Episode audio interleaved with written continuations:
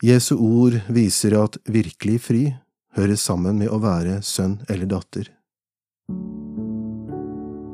At Gud er far, er ikke en sideting for Jesus. Det hører hjemme midt i dette enkle og klare.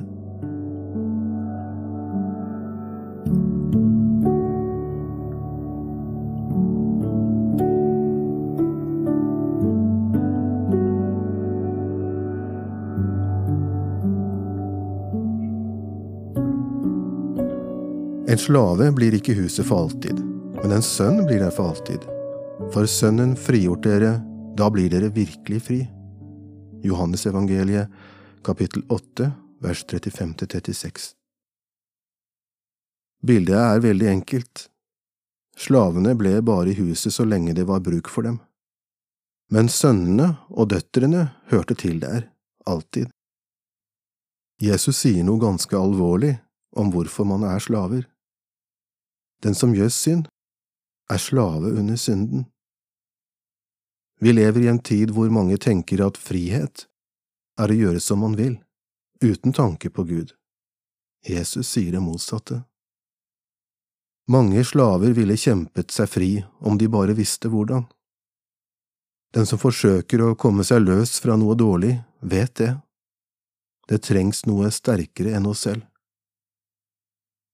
Noen vil si at ganske fri får være godt nok, men Jesus understreker virkelig fri.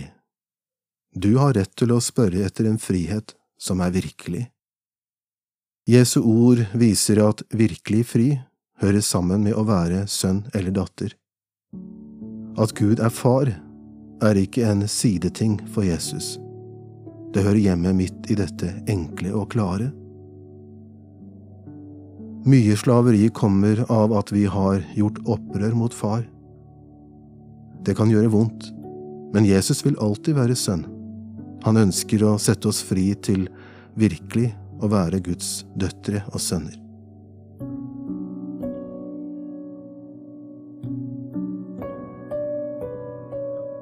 Du har hørt en andakt fra boka Vandrebok. Jeg heter Sverre Skilbreid og har skrevet boken. Vi høres!